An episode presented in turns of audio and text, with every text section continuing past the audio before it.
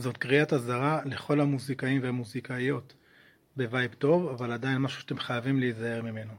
לפני איזה כמה שנים אני זוכר מקרה שזמר מאוד מפורסם החליט להחליף את כל הנגנים סביבו בהפקה עבור נגנים הרבה יותר צעירים, ואני מכיר את אותם נגנים שהוחלפו, לא מגניב בכלל. למה? כי הם לא, לא פיתחו את השם שלהם בתחום שלהם לקהל הרחב ויצרו עוד מקורות הכנסה, הם בעצם היו פונקציה נגן, למשל גיטריסט, ולא השם עצמו שהם בנו לעצמם. וזה באמת הסכנה הכי גדולה. אז אם אתם אה, פונקציונליים במה שאתם עושים, אנשים קוראים לכם לתת שירות בהפקה, ב mix, mastering, בלנגן, ורק הפונקציה שלכם ולא השם שלכם, אתם ככה יכולים להיות ברי החלפה.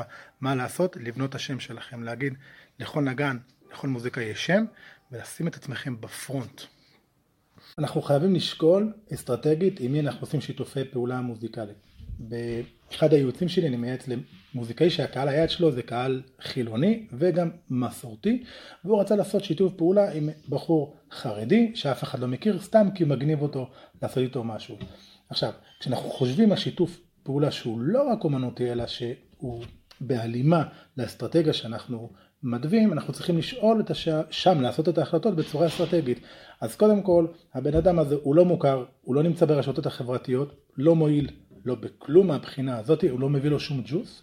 ודבר שני, קהל היעד של המוזיקאי שאני מלווה, יכול לא לקבל בצורה הכי מגניבה את השיתוף פעולה הזה. אז כשאנחנו חושבים על שיתוף פעולה, שווה לחשוב אסטרטגית מה זה מועיל לי, מלבד שיתוף פעולה אמנותי שאפשר לעשות שזה מגניב. מבחינה שיווקית, לחשוב אסטרטגיה, אסטרטגיה, אסטרטגיה. הנה המפתח לשיווק מוזיקה מוצלח. את או אתה, אתם זוכרים את הפעם הראשונה ששמעתם את עצמכם מוקלטים?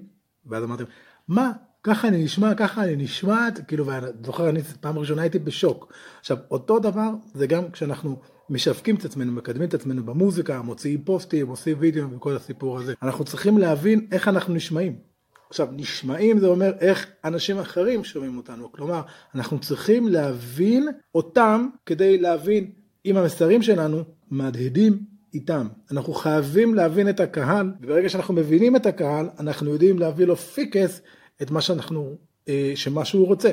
זה המהות, הבסיס של שיווק אפקטיבי. זה לא להבין איך אנחנו רואים את העולם, אלא איך העולם רואה אותנו.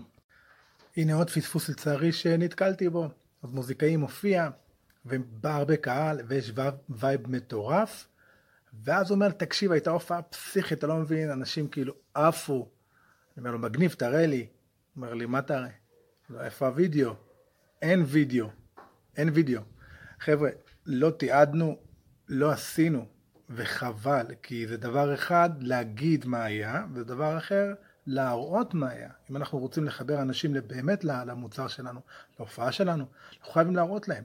זה כמו שאנשים יגידו לנו, ניכנס לחנות ונראה איזה חולצה יפה, אנשים יגידו לנו מה המחיר, לעומת שהמחיר יהיה רשום.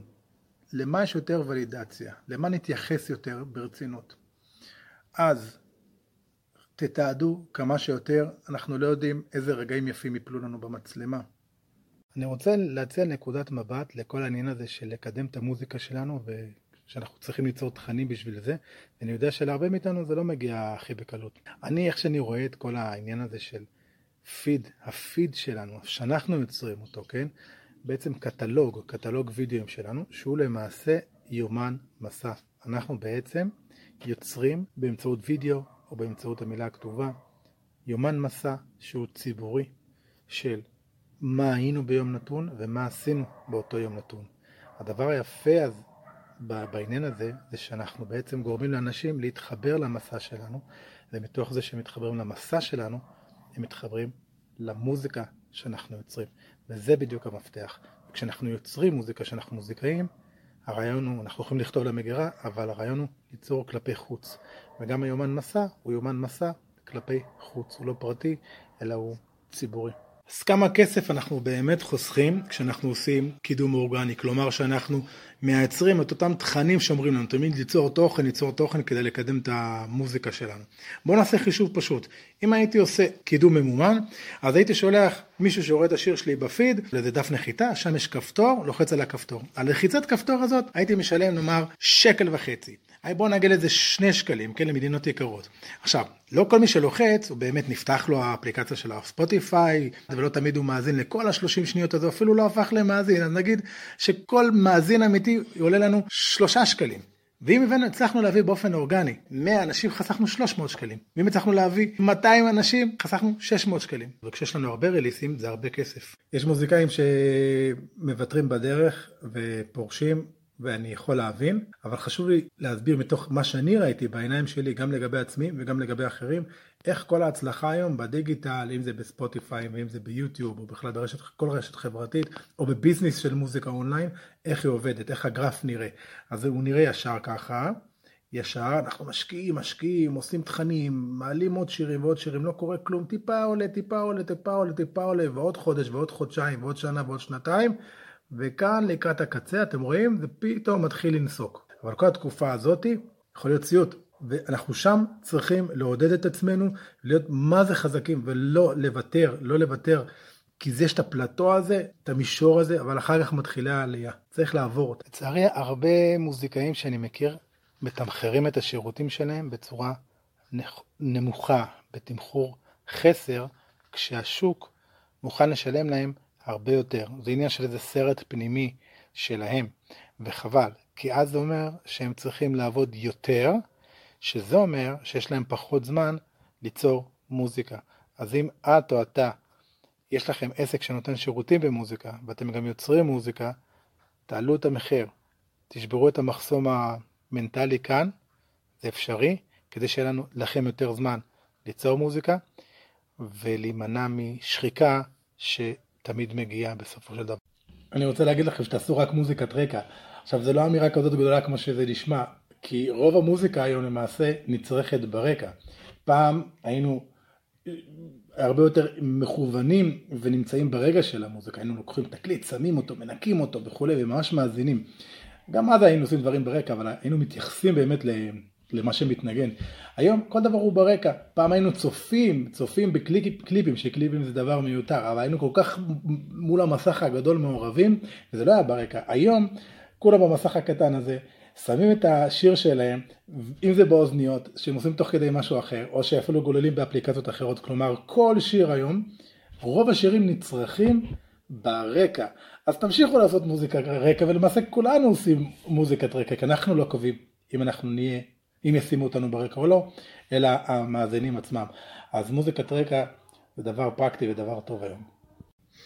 הרבה מאיתנו מוזיקאים מפסידים פרסום חינם. למה אני אומר פרסום חינם? לא, אני לא מתכוון לזה שאנחנו יכולים להעלות תוכן לרשתות בלי שעולה לנו כסף, זה באמת חינם. אני מתכוון לזה שאנחנו יכולים לקדם את עצמנו, שאנשים יראו מה אנחנו עושים, ולאט לאט אנחנו נגדיל את האנשים שעם העיניים שלהם על מה שאנחנו עושים, על ידי זה שאנחנו פשוט נתעד את מה שאנחנו עושים ביום יום.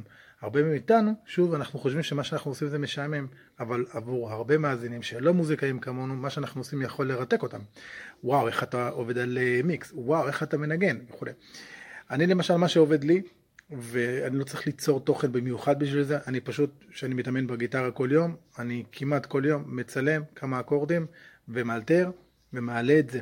זאת אומרת, אני די מתעד משהו שאני כבר בכל מקרה עושה. המלצה שלי, אוקיי? אז שיווק באמצעות תוכן לא צריך להיות איזושהי יוזמה מטורפת, אלא פשוט לתעד משהו שאנחנו בכל מקרה עושים.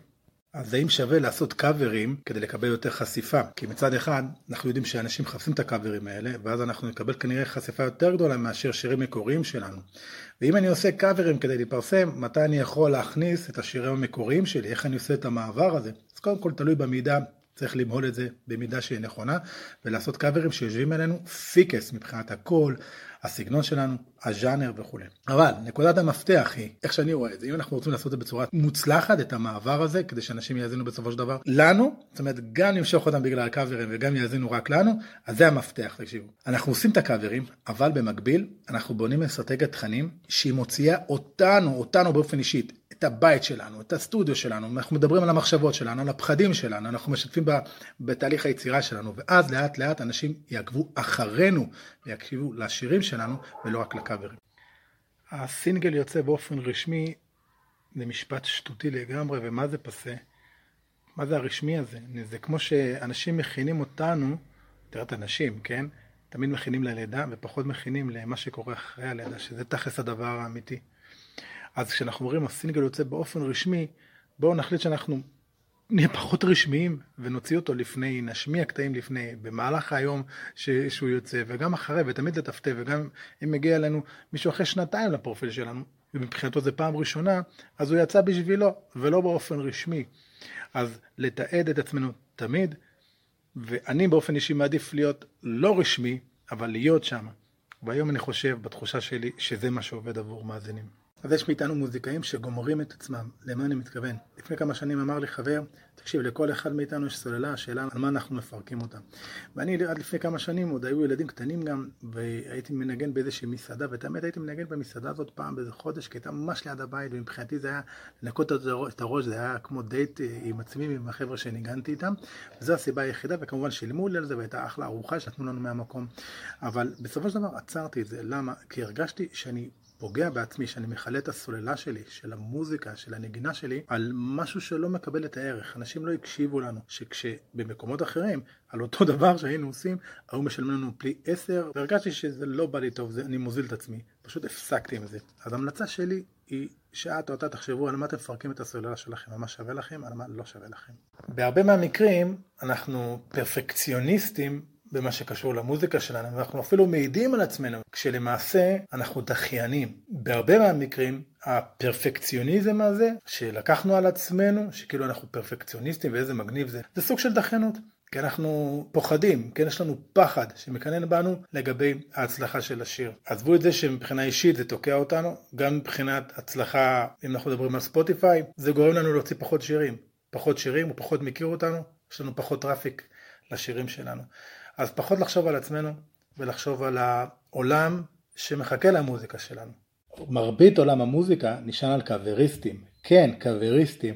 תחשבו שפעם מוזיקאים היו מנגנים את היצירות שלהם, ואז לפני מאות שנים המציאו את הדפוס, והיצירות שלהם הגיעו גם למקומות אחרים, ושם אנשים אחרים ניגנו את המוזיקה של המוזיקאים המקוריים, כלומר הם כבר היו קאבריסטים הראשונים, ולמעשה כל עולם המוזיקה כמעט, רוב המוזיקאים שם זה אנשים שמנגנים יצירות של מלחינים אחרים, באך, מוצרט וכל החבר'ה האלה, וגם היום יש המון קאבריסטים, כלומר קאבריסטים זה תעשייה שלמה. השאלה הגדולה היא אם קוויריסטים הם גם אומנים, כלומר מלבד להעריך אותם את הביצוע שלהם, של איך הם מבצעים את המוזיקה, האם הם גם אומנים, כלומר יוצרים יש מאין. קליפים זה דבר מיותר, אל תוציא על זה את הכסף, יש לזה כמה סיבות, אני למעשה עשיתי פרק שלם, פרק 101, אתם יכולים לחפש את זה בפודקאסט של שרה שרה, למה לא צריך לעשות קליפים, למה זה שייך לעולם הישן, העולם השתנה, צריכת המוזיקה השתנתה, האופן שבו אנשים מאזינים למוזיקה, היכן שאנשים מאזינים למוזיקה, המון פרמטרים השתנו, ובגלל זה זה כבר לא רלוונטי, אין לזה את האימפקט שהיה לזה פעם, אוקיי? אבל עדיין יש מוזיקאים שמפרקים אלפי שקלים על הדבר הזה. במקום לשים, לקחת את הכסף הזה ולשים אותו על שיווק שבאמת יביא להם האזנות, שבאמת יביא להם מאזינים, שבאמת יביא להם עוקבים ואת המספרים שהם רוצים לראות. שחררו את הקליפים, אבל גם בפודקאסט אני אומר מה כן לעשות. אז האם שווה לעשות קאברים כדי לקבל יותר חשיפה? כי מצד אחד, אנחנו יודעים שאנשים מחפשים את הקאברים האלה, ואז אנחנו נקבל כנראה חשיפה יותר גדולה מאשר שירים מקוריים שלנו. ואם אני עושה קאברים כדי